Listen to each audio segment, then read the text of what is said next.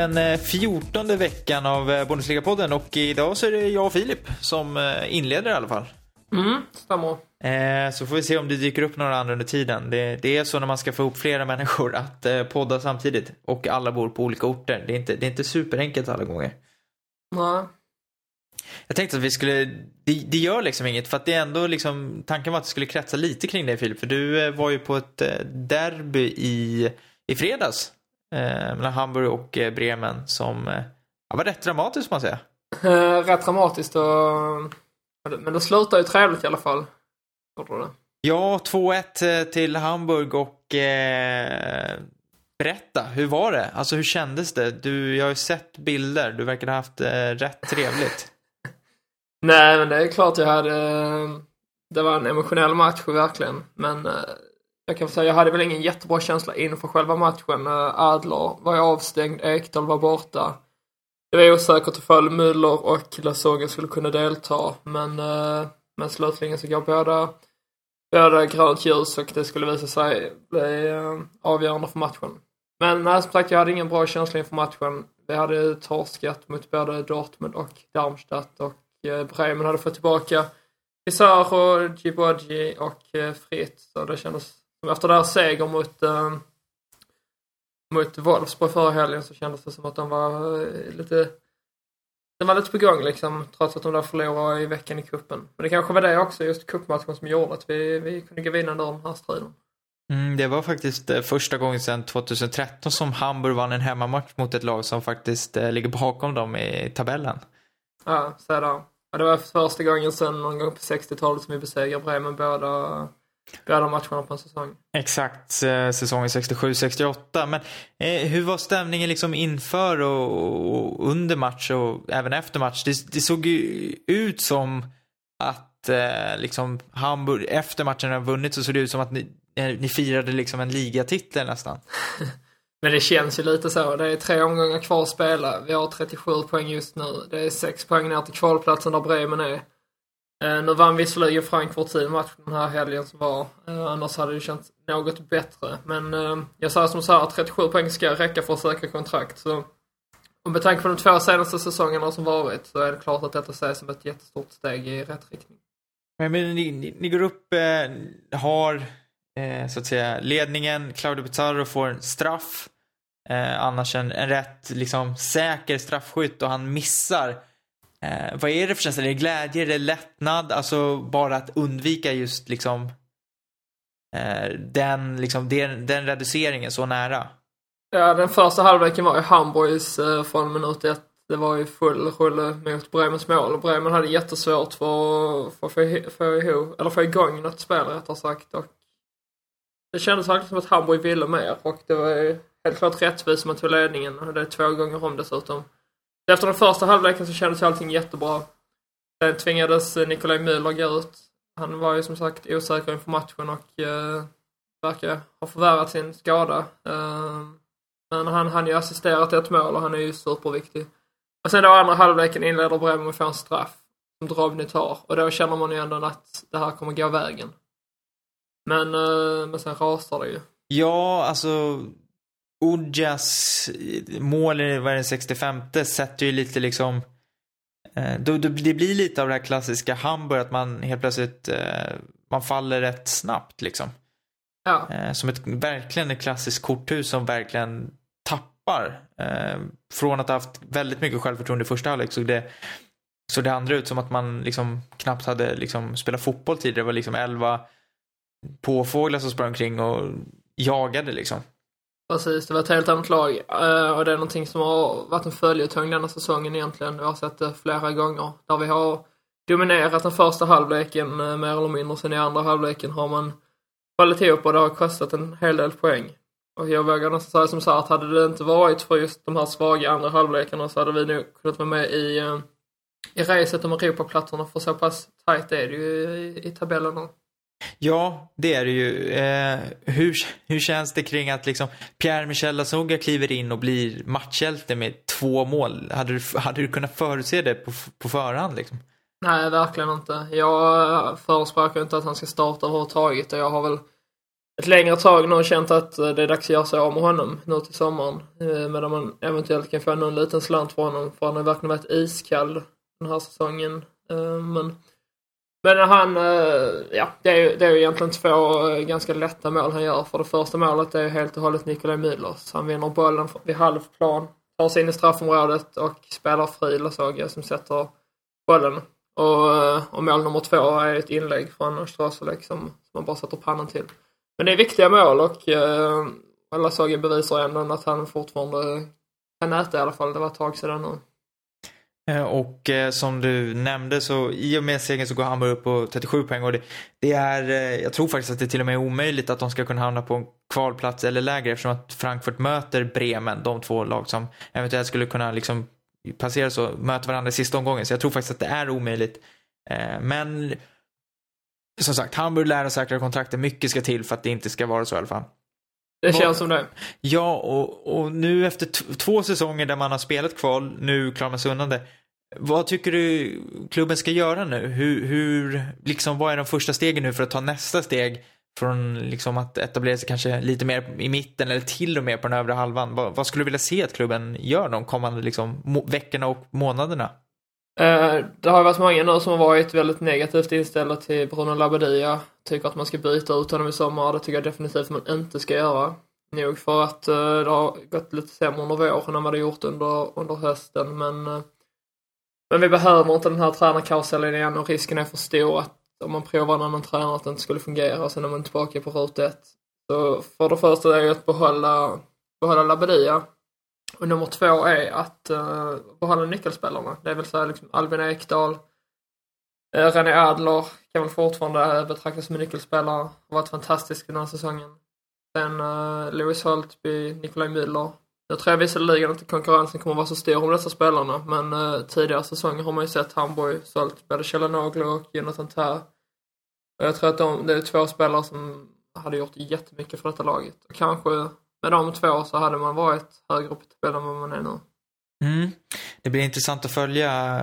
Det finns ju också en spelare som till exempel Emir Spajic vars kontrakt går ut. Tycker man ska förlänga med honom? Som, som det ser ut just nu så bör han ju, han förtjänar verkligen att få ett nytt kontrakt men han blir 36 år eh, i sommaren eller hösten och det, det går ju liksom inte att förlita sig på en 36-åring känns det som. Jag hade väl gärna sett att det kommer in någon annan också. Vi har ju Kleber men uh, han blandar och gör ganska mycket. Känns inte som man är redo att ta steget riktigt och bilda mittbackspar med, med Giroud så det beror helt enkelt på om man kan hitta någon ersättare. Det finns ju som eh, bekant inte så mycket pengar i Hamburg så det är lite där det ligger också. Ja, det blir i vilket fall intressant att följa och det är skönt att efter några år här av ångest att kunna säga att eh, Hamburg kommer att spela i Bundesliga även nästa säsong. Och inte i den sista matchen för säsongen för delen. Eh, det måste kännas rätt skönt också.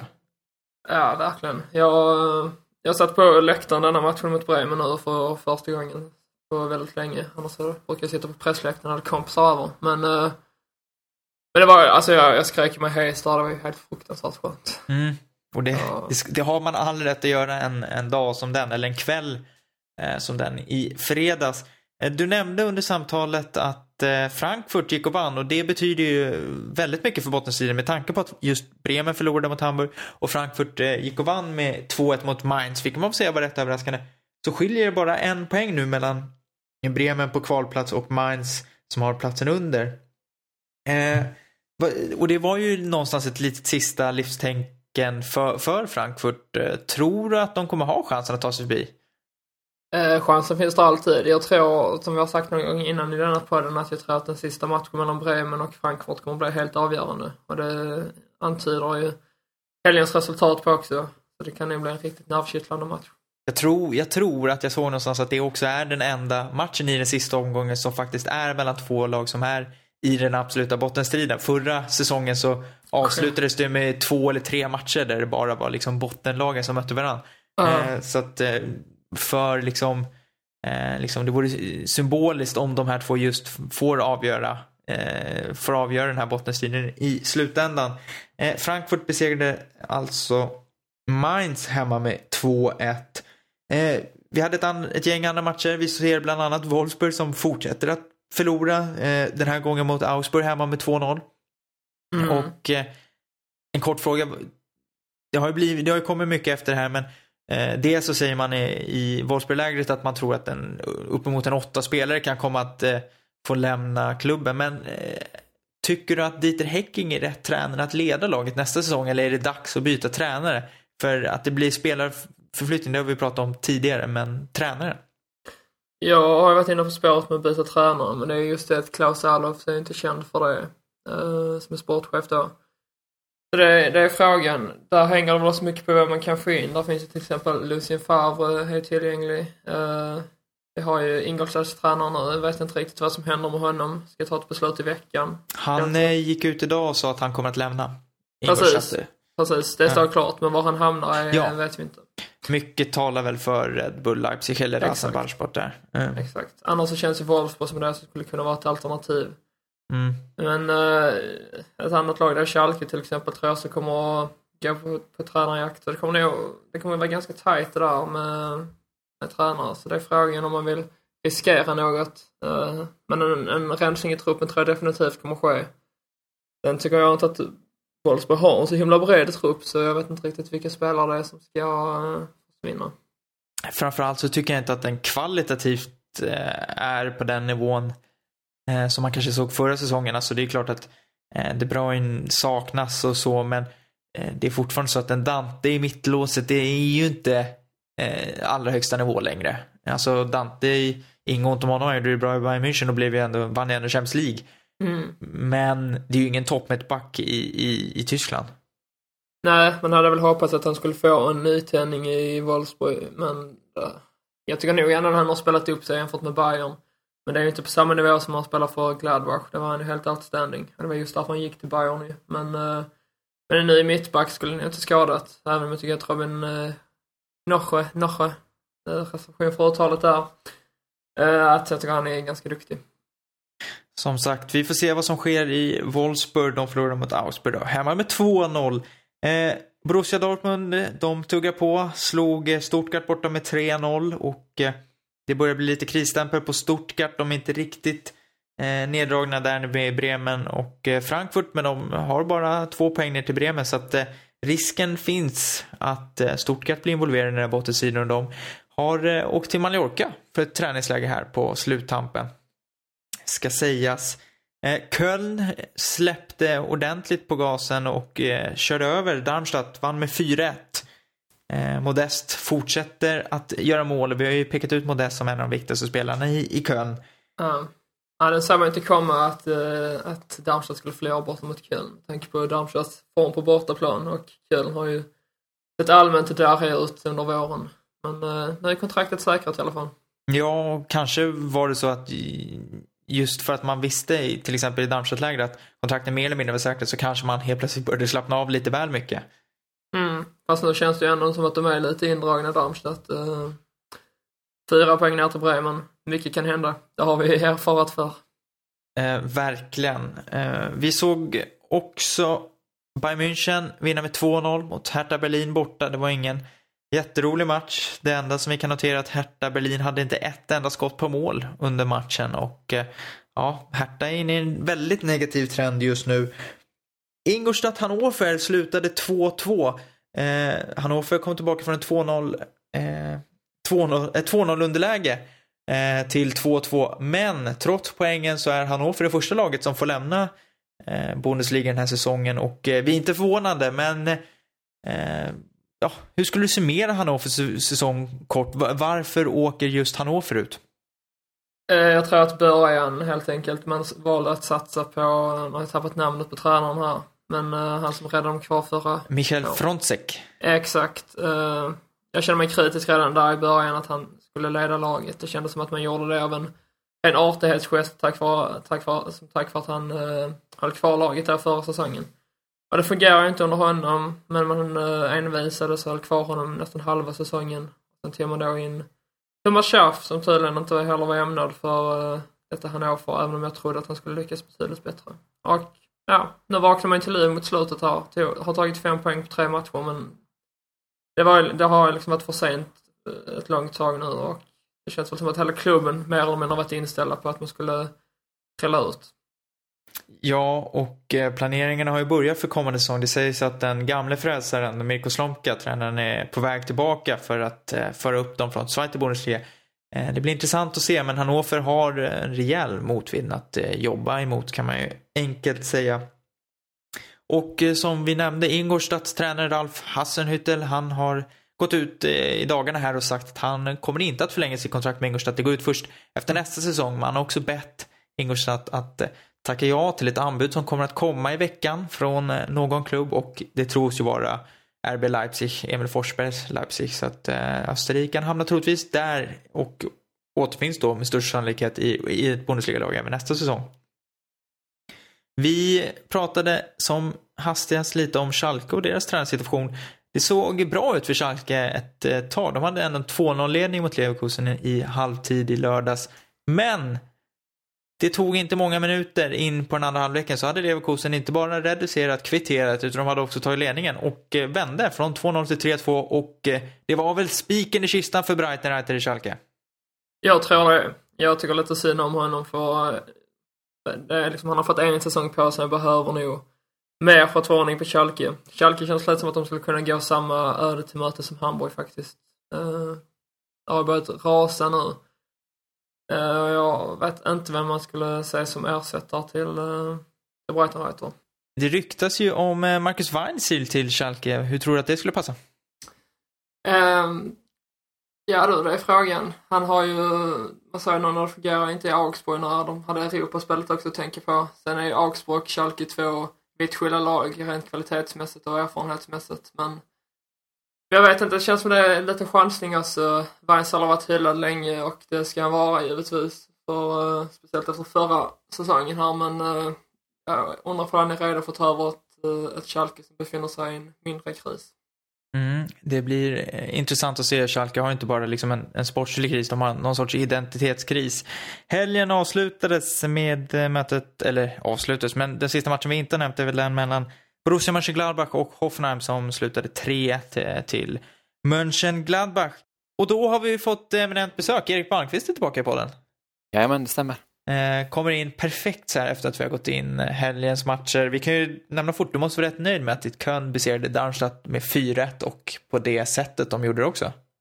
Ja, men exakt. Det var ju gött att det blev eh, en rejäl vinst så att säga, som säkrade kontraktet och att det inte var något eh, lite 1-0 i 90 minuten på en feldömd straff eller något liknande, utan det var rejäla tre poäng. Det var gött. Börjar du drömma lite om att ni eventuellt skulle kunna ta er förbi Schalke och knipa en Europaplats? Nej, faktiskt inte. Jag, jag visste faktiskt inte att det var så nära som, som du säger att det är. Men, eh, utan det har bara varit fokus på att kontraktet är klart. Liksom. Mm, nej, det är ju visserligen fem poäng, men med, med tanke på Schalkes form och att det är tre matcher kvar, det är inte, det är inte helt omöjligt, men äh, det, är, det är lite bit av andra, men det är kul. Vi har ändå pratat om Köln som ett lag som äh, stundtals har man tyckt att nej, men det ser rätt bra ut och stundtals en, lite av en underprestation, men 40 poäng var väl minimummålet va? Mm, ja, eller målet har väl alltid varit att äh, klara sig kvar i ligan. Liksom. Alltså, det har inte varit så mycket mer än det från sportsliga ledningen och så vidare. Vettigt får man ändå säga. Mm, ja, det är ändå andra året så det behöver inte Alltså det behöver inte vara Europa League eller något sånt. Bara kunna spela i högsta divisionen så, så är det, och hitta en stabilitet där så är det ett stort steg framåt mot hur det har sett ut de senaste eh, 15-16 åren. Liksom. Jag eh, pratade lite med Filip om det kring Hamburg förut eh, och nu när de har säkrat kontrakt och vad, han, vad Filip tycker att eh, Hamburg ska göra till kommande säsong, hur de ska börja planera nu. Hur tycker du att Köln ska börja planera nu inför kommande säsong? Det ryktas ju lite om att Jonas Hector och Timo Horn eventuellt kan vara på väg bort. Vad skulle du vilja se att, att klubben gör de här kommande månaderna?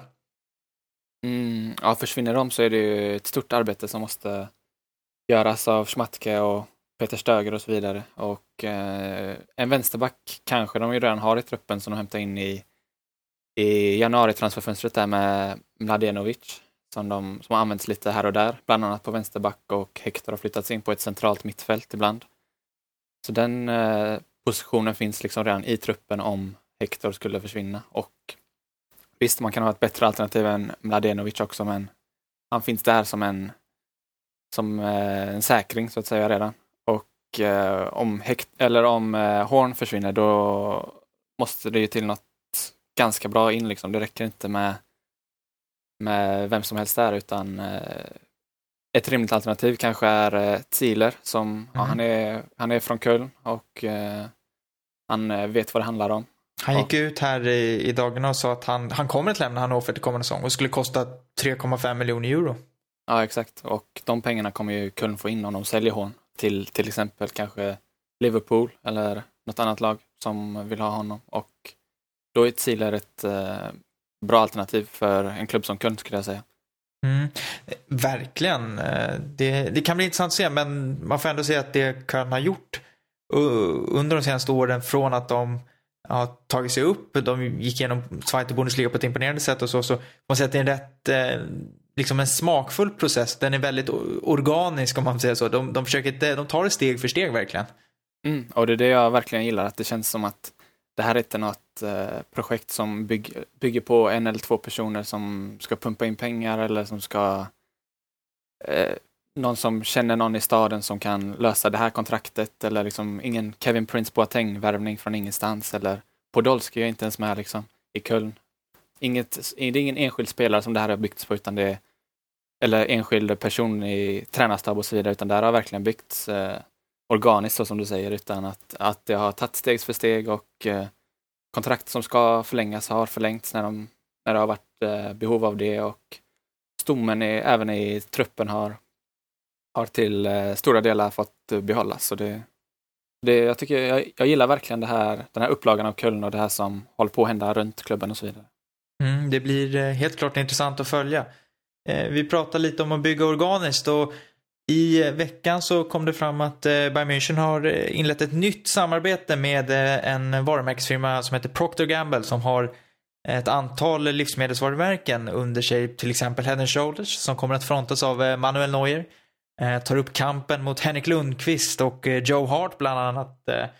Och eh, de har Gillette där och det är Thomas Müller som kommer fronta den. kommer finnas exklusiva produkter eh, med eh, nummer 25 och Bajen-loggan på till exempel. Eh, och Filip, skulle du säga att det här Dels, är det rätt väg att gå för klubbarna och, i Bundesliga och tror att vi kommer få se mer av det här framöver? Just Bayern München vet inte tusan om de behöver de här pengarna men jag tror definitivt att vi kommer få se liknande samarbeten mellan, mellan eh, andra klubbar. Eller Bayern har ju redan gjort detta ju så att jag tror att fler kommer följa deras spår helt enkelt. Eh, alla pengar är välkomna givetvis. Eh, speciellt nu när man ska ta upp kampen mot till exempel Premier League. Och då kommer ju det här behövas, eh, så det tror jag definitivt.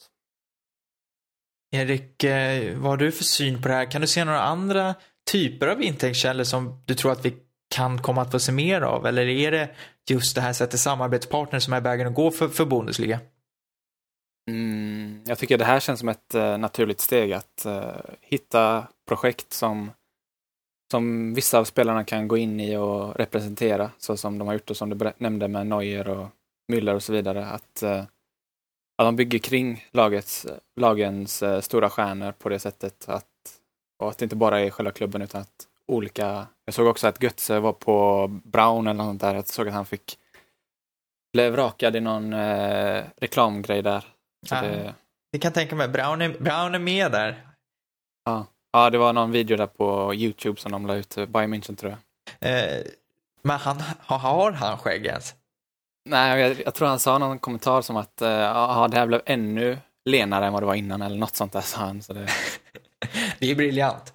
Eh, bland andra bland de här så hittar vi Ariel. Eh, vi har också Oral-B. Vem skulle kunna tänka sig göra tandborstreklam för eh, om ni skulle välja ut en i Bayern München? Vem tror ni har bäst tänder? Frank Ribéry.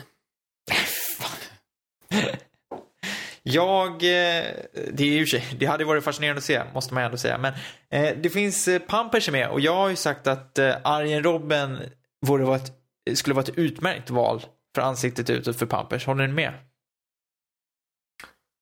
Ja, varför inte? Det, det, finns ju någonting med att man skulle kunna förminska mobb, liksom en, någon sorts photoshopad Robben i en blöja. Ja, ja, jag vet faktiskt inte hur man skulle kunna göra reklam där annars, men uh, Sen att de spelar fotboll med blöja kanske, jag vet inte. Bara att den inte är fylld så går det väl bra. På tal om pengar så tänkte jag också att vi skulle prata lite om eh, Sandra Wagner som är en personlig favorit i Darmstadt och han gick ut i veckan i, i tidningen Bild och pratade om att eh, fotbollsspelare tjänar för lite snarare än att de tjänar för mycket.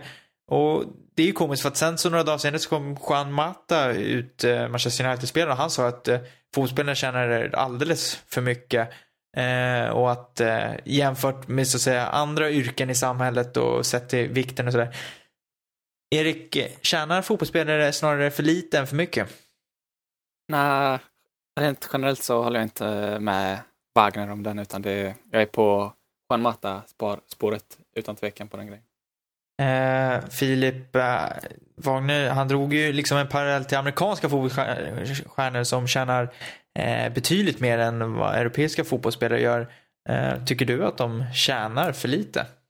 Uh, nej, verkligen inte. Det kan man inte påstå. Det är hutlösa summor i fotbollen. Och man kan ju undra vad, vad det är för pengar som Wagner då eftersträvar. För jag kan väl tänka mig att det är, det är inte en helt dålig lön han sitter på även om det är för Darmstadt han spelar. Och eh, efter hans säsong lär han väl få de där pengarna han efterfrågar om Darmstadt kan upp och släppa honom. Han blev uppbackad av eh, spelarföreningen i Tyskland som sa att eh, det är snarare handlar om att det är klubbarnas fel att de ger ut så mycket pengar. Är det klubbarnas fel att lönerna har gått upp så pass mycket, Erik? Eller liksom, enligt, jag menar, jag skulle väl säga att agenterna ligger kanske liksom mm, mest bakom den här ofantliga löneökningarna som har varit under de senaste två, tre decennierna. Ja, vad det är exakt det som ligger bakom, det är väl en kombination av massa olika saker, tänker jag, med tv-avtal och sponsorintäkter som har ökat och ja, som du säger, agenter som vill ha mer pengar och som vill att en spelare ska ha mer pengar. Så för att vara med i kampen om en spelare så måste du erbjuda mer och mer pengar och jag kan tänka mig att vissa agenter sätter Eh, erbjuder sin, sina spelare till olika klubbar och då går de väl oftast dit som pengarna, där pengarna finns. Jag tror att vi kommer kunna se det på till exempel eh, eh, Leipzig om de går upp som det ser ut som. Och, eh, och då kommer vi få ett kvitto på att ja, men de går dit där pengarna är och det beror väl på på, delvis på agenter som du säger. Filip, tror du att vi någonstans kommer att få se ett slut på de här ökade lönerna? Är det någonting som kommer att fortsätta liksom någonstans i all oändlighet? När kan du se att vi ser ett slut inom liksom en snar framtid på just liksom löneökningarna i sig, topptaket för dem? Alltså, så här, det krävs just att man sätter ett lönetak, att Fifa sätter in ett reglementverk där. Eh, annars tror jag att det kommer fortsätta. Det är just där med investerare också som kommer in med fruktansvärda pengar och då ska alla klubbar helt plötsligt ta och försöka mäta sig med, men de summorna. Det bara ökar och ökar och ökar. Vi har ju sett det de senare år att det har sprungit iväg helt hiskeligt. Och det krävs ju helt enkelt att man, eh, att man sätter ner foten från, eh, från ledningen och, och bromsar det hela för annars kommer det bara fortsätta. Det tror jag definitivt. Speciellt nu när ett land som Kina har gett sig in i leken också. Mm. Eh, Erik och Filip är alltså inte riktigt med på Sander Wagners eh, uttalande där. Jag eh, tänkte att vi lämnar pengafrågan och går till, ja, det handlar visserligen lite om pengar, men i veckan så har det också varit väldigt mycket eh, rykten kring Mats Hummels och för varje dag som har gått så har det kommit ny information. Han gick ut och sa efter eh, kuppmatchen mot Hertha Berlin, eh, som eh, Borussia Dortmund för övrigt vann och de har tagit sig eh, till final där de kommer ställas mot Bayern München som eh, vann mot Werder Bremen. Så vi har Dortmund-Bayern i final i eh, DFB-pokal. Eh, det jag ska säga var att eh, Mats Hummels eh, såg vi efter matchen, han uttalade sig om att han är svårt att sova. Det tar honom 30 minuter längre varje kväll för att han har ett så svårt beslut att ta. Det har ju visat att det för att han funderar på att flytta tillbaka till Bayern München. Var du överraskad när du hörde det här, Erik, att Hummels funderar på att flytta tillbaka till sin moderklubb? Ah, jo, jo, jag är nog ganska förvånad faktiskt, även om det är hans moderklubb och så vidare, men han har varit i Dortmund så länge och eh, så jag tänkte att kanske att han att han inte vill ta just det steget som Götze till exempel har tagit och Lewandowski och så vidare. Men när man säger att de spelarna har gjort det som kanske av någon anledning skulle känna mer för Dortmund och har tagit det steget, varför skulle inte en, en Bayern München-produkt vilja ta det steget? Så det, det är kluvet, men jag, jag hade förväntat mig att det snarare skulle bli typ eh, någonstans i Premier League för, för Mats Hummels, men blir det Bayern så är det ändå väldigt naturligt på något sätt. Eh, Hans-Joakim Watzke, som är ordförande i Dortmund, gick ut och sa att det står mellan eh, Bayern München och Borussia Dortmund och idag så bekräftade eh, Karl-Heinz Rummenigge, alltså på tisdagen, att eh, man eh, har för samtal med Mats Hummels om framtiden. Var tror du att det här ebbar ut? Eh, Filip, får vi se Hummels i, i Bayerns tröja till kommande säsong, tror du? Jag tror det. Jag har sagt detta förr också, eh, faktiskt sedan flera år tillbaka, att jag tycker det är konstigt att, att Bayern och Hummels inte har kopplat samman, trots att Hummels har varit lagkapten i, i Dortmund och spelat där större delen av sitt liv. Eller ja, inte större delen av sitt liv, men som, som proffs i alla fall. Och, eh, och nej, jag skulle inte bli förvånad faktiskt om han hamnar i Bayern München. Speciellt inte nu. Det känns som att det har gått så pass långt. Jag måste säga förvånad över att det inte har, eh, har varit mer skriverier om, eh, om att det är fel av Hummels och så vidare att göra den övergången. Det har det varit tidigare när till exempel Lewandowski och Götze har gjort flytten. Nej, det är som du säger, det verkar lite som att de tyska tidningarna, eh, tidningarna är betydligt snällare i liksom ingen utmålning av Hummel som någon sorts förrädare utan snarare som att det, det är eh, rimligt och man ska veta också att Hummels har väldigt mycket, han har sin familj kvar i München, hans fru bor i München och eh, han pendlar väldigt mycket mellan München och Dortmund så att det är inte konstigt på det sättet. Det finns många sociala anledningar till varför han skulle flytta tillbaka men rent sportsligt, Erik, eh, tillför Mats Hummels något som Bayern München idag saknar? De har ju haft väldiga problem med, på just mittbackspositionen. Vi har ju pratat om det, vi pratade inte minst om det när eh, Serdar Taski blev eh, blev klar i, på deadline day, tror jag det var. Mm. Eh, och eh, så de, de behöver ju en mittback och, eh, som, och Mats Hummels han har ju kvalitet även om den är väldigt eh, upp och ner. Så kvaliteten finns där och eh, det är en tysk eh, landslagsman som spelar ordinarie där och det är klart att eh, Bayern München vill ha honom då. Så det, och att han skulle tillföra något där. Det ser jag som naturligt. Tror du att han spelar i Bayern München till kommande säsong? Uh, ja, jag tror det faktiskt. Mm. Jag tror det. det blir spännande att se, men både Filip och Erik tror alltså att vi får se Mats Hummels i Bayern München till kommande säsong och jag vågar nog säga att jag tror faktiskt samma sak. Det är intrycket man får. Men ingenting är klart, det är jag rätt övertygad om. Och eh, när vi väl pratar om Bayern München, som sagt, eh, vi hade två semifinaler i eh, tyska kuppen. Inga större överraskningar där får vi ändå säga. Bayern München slog Werder Bremen med 2-0 och eh, Dortmund besegrade Hertha borta med 3-0. Eh, kan bli en väldigt eh, speciell final känns det som ändå på förhand. Så här, vad säger magkänslan? Det kommer ändå vara Guardiolas sista match på, på tysk mark. Eh, om vi börjar med dig Erik. Mm, ja, det kommer nog bli en väldigt speciell match med, med tanke på att det är ja, de två stora lagen inom tysk fotboll just nu som möts och eh, vi får se Tuchel mot, eh, mot Guardiola ännu en gång den här säsongen. Så det blir kul att se hur den taktiska duellen slutar den här gången. Om Tuchel kan få sin vinst där till slut. Eh, så det är en drömfinal skulle jag säga att det är. Filip, är det en drömfinal? Eh, både ja och nej. Jag tycker att det är lite tråkigt. Även om det givetvis är Tysklands två bästa lag så, så gillar man ju när det är skrällar. Men, eh, men i det här fallet så känns det ganska rimligt att det är just Dortmund och Bayern. Det kan man kolla i tabellen också i Bundesliga. Det är de som varit överlägsna. Och, eh, och just Bremen och Hertha Berlin är väl inte några lag som egentligen är ämnade för en sådan match i dagsläget. Eh, men ja, jag tror att Bayern München vinner i alla fall. Det känns så i dagsläget. Även om de kanske har en Champions League-final att tänka på. Mm, den eh, finalen, eh, eller ja, Tyska kuppen spelas ju även den finalen i, i maj. Och eh, som du nämner Filip, det kan vara så att de har en Champions League-final att eh, tänka på. Här i veckan så är ju den första semifinalmötet mot Atletico Madrid eh, på Vicente Calderón i Madrid och Erik, vad tror du inför den matchen? För att eh, känslan man får från Tyskland och ja, den generella känslan är att det är ett rätt jämnt dubbelmöte vi står inför. Ja, absolut, absolut. Det här är den eh, moraliska finalen, om man ska säga. Det är de två bästa lagen som är kvar i turneringen, skulle jag säga. Så, eh, ja, och det kan ju sluta hur som helst. Det är ett dubbelmöte och eh, Atletico Madrid har visat att de kan sluta ett lag som liknar Bayern Münchens i Barcelona då, som de gjorde i kvartsfinalen. Och eh, så Bayern München kommer få en, det är en väldigt, väldigt tuff uppgift för dem skulle jag säga. Men det här är ett lag som är deras, eh, deras eh, motsats liksom. De kan absolut, eh, de kan absolut eh, åka ut här, det tror jag. Vad kommer att vara nyckeln för Bayern München skulle du säga i det här dubbelmötet Filip, alltså för att eh, ta sig vidare?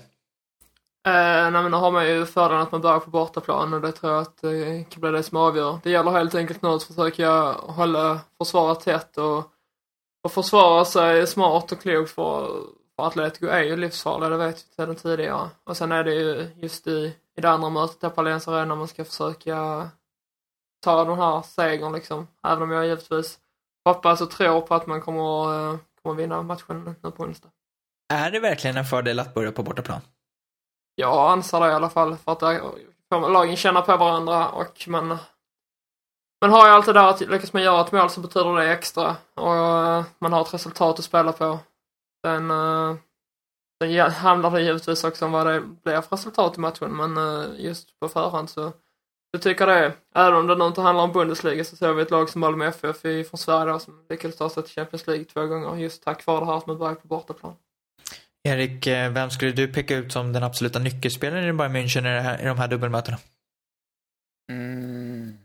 Jag skulle nog peka ut någon av eh, de defensiva spelarna faktiskt. Jag vet inte riktigt vilken, men eh, någon av dem som att det, det, som jag, det som Filip var inne på, det tror jag också blir nyckeln här att eh, inte, inte gå bort sig i defensiven. Att eh, verkligen eh, vara trygga där och eh, sedan kunna slå om på något sätt. För att eh, för Bayern München måste, de har sin offensiv och klarar de även av att hålla tätt så då har de absolut störst chans att eh, gå vidare. Så, så nyckel, nyckelspelare blir någon i, i det defensiven, skulle jag säga. Mm, vad tror du att den första matchen kommer att sluta? Eh, eh, om, om vi pratar tecken så tror jag att det kan bli ett eh, kryss faktiskt. 0-0, 1-1, något mm. sånt. Filip, eh, kryss eller vad tror du på för resultat i den här matchen? Det känns verkligen som det är 50-50 inför mötet här nu, men jag tror nog att Bayern vinner med 1-0 faktiskt, även om formen inte har sett, sett så bra ut på senare tid så tror jag att eh, Lewandowski kontrar någon boll i, i andra halvlek. Mm. Det blir intressant att följa, minst sagt. Vi kommer att följa upp den eh, matchen såklart i nästa veckas podd. Från onsdagsmatch till fredagsmatch, för då är det Bundesliga igen. Och eh, Erik, eh, ditt Köln åker till Augsburg och eh, ja, vad får du för vibbar inför den matchen? Jag menar den här eh, segern mot Darmstadt måste ju ändå ha givit en extra push i självförtroendet. Ja, jag tror att eh, Köln bara kommer köra på nu hela säsongen ut, även om det inte är så många matcher kvar. Men eh, det finns ingenting och de kan förlora med 6-0 och de riskerar ändå ingenting. Liksom, så det, och självförtroendet är väldigt högt med tanke på den 4-1 matchen och de kanske då, även om det bara var två målskyttar i den matchen, så kanske de har fått igång målskyttet på åtminstone fått den känslan i laget att fler än Antoni Modest kan göra mål. Jag hoppas det i alla fall. Och eh, att, att de vågar, att fler vågar liksom ta chansen och chansa lite helt enkelt. Det, det är värt det i en sån här match. Tror du att vi får se lite rotation i kön här mot slutet för Stöger att testa lite nya namn som skulle kunna vara intressanta för hösten? Eh, ja, så kan det nog bli. Han kan nog, spelare som är kanske möj, möjligen på väg bort kan han säkert rotera ut även om de har varit viktiga. Även om, jag vet inte riktigt vem jag skulle tänka på då, men eh, allmänt så. Och eh, unga talanger kan eh, säkert få chansen. Mm. Som sagt, eh, fredag, Augsburg mot Köln 2030. Lördag som alltid ett gäng matcher eh, där vi bland annat har det enda laget som hittills har åkt ut. Bundesliga Hannover möter ett annat krislag får jag ändå säga som vi tog upp tidigare, Schalke. Eh, Hannover har ingenting att spela för, men tror du att de kommer att eh, slås lätt, Filip? Eh, alltså, Schalke har ju verkligen allt att vinna här. Det är ju tre gratispoäng mer eller mindre. Men eh, med tanke på hur det sett ut den senaste tiden skulle det inte förvåna mig ifall man har, har bekymmer framför sig. Dock så tror jag väl att det kommer sluta med tre poäng. Något annat vore ju verkligen verkligen, verkligen en, eh, en skräll och skam till och med. Mm. Det blir intressant att se. Vi har också Hoffenheim mot Ingolstadt och Hoffenheim eh, åkte ju på en förlust här mot Mönchengladbach. Kanske inte helt oväntat bortaplan. Eh, men Hoffenheim går ju på och Nagelsmann imponerar i klubben, eller hur Erik? Mm, absolut, absolut. Vad tror du om chanserna mot Ingolstadt? Jag tror att eh, Hoffenheims chanser är goda här skulle jag säga. Att Ingolstadt, de är klara redan för Bundesliga även nästa säsong. Och eh, Hoffenheim, de är väl inte riktigt där ännu, nej. Nej. Så eh, jag tror att de har, de har ju allting att spela för och Ingolstadt skulle jag säga är ett eh, bra motstånd att möta just nu. De har ju också lite problem med, eller lite problem, men lite förvirring kanske kring eh, tränarsituationen där. Att han vill lämna och så vidare, Hassenhüttel där. Mm, Så, exakt. så kanske det, kan det tala för eh, Hoffenheim, tror jag. Mm. Det blir intressant att se. Hoffenheim går ju på som sagt väldigt starka just nu får man säga. Eh, vi har ett, ett eh, Frankfurt-derby mellan Darmstadt och Frankfurt det har varit väldigt mycket snack. Det var väldigt mycket strul i det första mötet under hösten när Frankfurt hade hemmaplan. Inga supportrar från Frankfurt kommer att vara på plats eh, på arenan när det här derbyt spelar. Och Eh, borgmästaren för, i Darmstadt gick idag ut och sa att det kommer att vara förbud för Frankfurt-supportrar under 36 timmar att befinna sig i Darmstadts innerstad i samband med den här matchen. Eh, det har jag nog aldrig hört talas om tidigare, men fotbollsmässigt då Filip, vad eh, tror du? Eh, är det, det här är ju en otroligt viktig match för Frankfurt att ta poäng i. Så är det ju. Darmstadt har, eh, de behöver ju två, tre poäng till, sen är de ju också på den säkra sidan. Eh, skulle väl, ja, de skulle inte kunna söka kontraktet redan denna omgången vid en förlust, men eh, men eh, Frankfurt, de har ju, de lyckades slå Mainz. Det var ju väldigt stärkande för dem och jag tror väl kanske att man eh, ändå har chans på en poäng, så jag satte det ett kryss där. Mm. Vi har också en väldigt intressant match som är en toppmatch. Bayern München, Borussia Mönchengladbach. Erik, eh, Mönchengladbachs bortaform, eh, ja, det ger ju inte direkt vibben av att de ska ha en chans. Eh, vad tror du om mötet på Allianz Arena?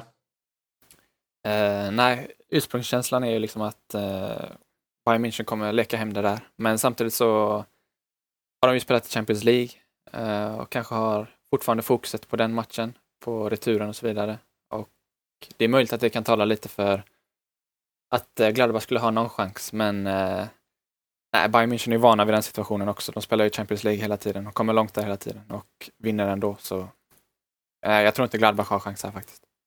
Nej, och sen så har vi ju ditt eh, Hamburg där på lördagen också, Filip, som aldrig vinner två matcher i rad, vilket borde betyda att de alltså förlorar borta mot Mainz.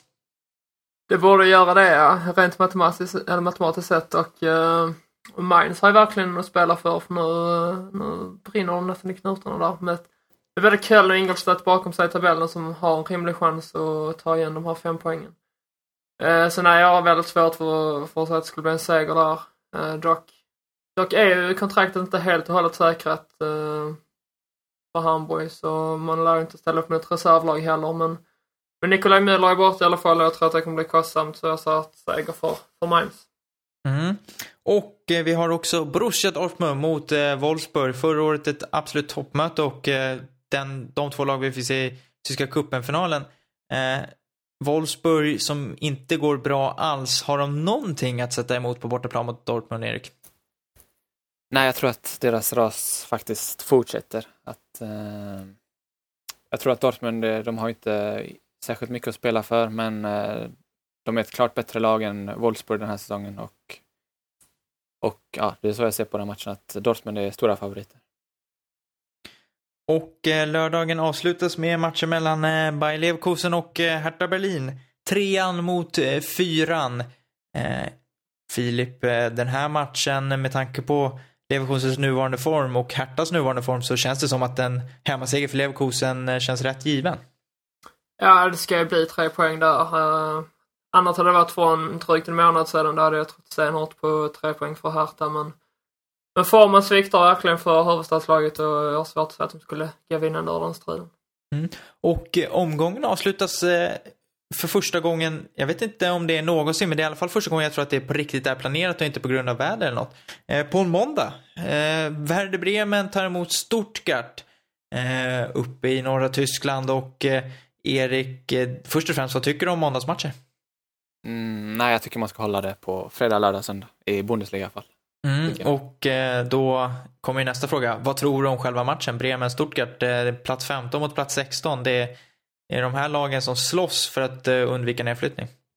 Ja, det är en ruggigt intressant match alltså, med tanke på nedflyttningsstriden. Uh, Och Bremen, ja, de, de måste väl inte vinna men eh, det, det ska mycket till för att, eh, för att det här ska behöva gå på något annat sätt. Liksom att Bremen eh, har väldigt stor eh, vinsthunger, eller vad man ska säga. De var ju inte jättelångt ifrån i derbyt nu förra veckan. Och eh, jag, tror att, eh, jag tror att det talar för Bremen faktiskt. Mm. Det blir intressant att följa. Alltså inga matcher på söndag i Bundesliga som eh, sagt. Eh, och eh, ja, med det så är veckans podd inspelad. Är det någonting ni vill tillägga innan vi lämnar? Uh, nej, bara att Zweite Liga är väldigt intressant just nu. Så, men det skulle vi kunna ta nästa vecka kanske. Det är inte omöjligt att vi hinner med det nästa vecka. Eh, Erik, är det någonting du skulle vilja tillägga? Nej, det känns bra så här. Ett lite kortare avsnitt för mig den här veckan, men det känns bra. Ja, du eh, kom i alla fall med. Vi hade lite tekniska bekymmer. Vi försökte få med Kate också, men jäklar vad dålig den linan från Berlin var. Så det blev ingen Kate den här veckan, men kanske nästa vecka. Vi får se. Eriks lina var däremot klart vassare. Eh, som alltid, som sig bör, så ska vi nämna var ni hittar oss på sociala medier. Vi kan börja med Filip. Eh, det är ju Twitter som gäller om eh, volym med 0 istället för Och Erik? Ni hittar mig på att eh, malmqvist e. Mm, och eh, mig hittar ni på snabel A.T. Nilsson på Twitter. Vi är tillbaka om en vecka.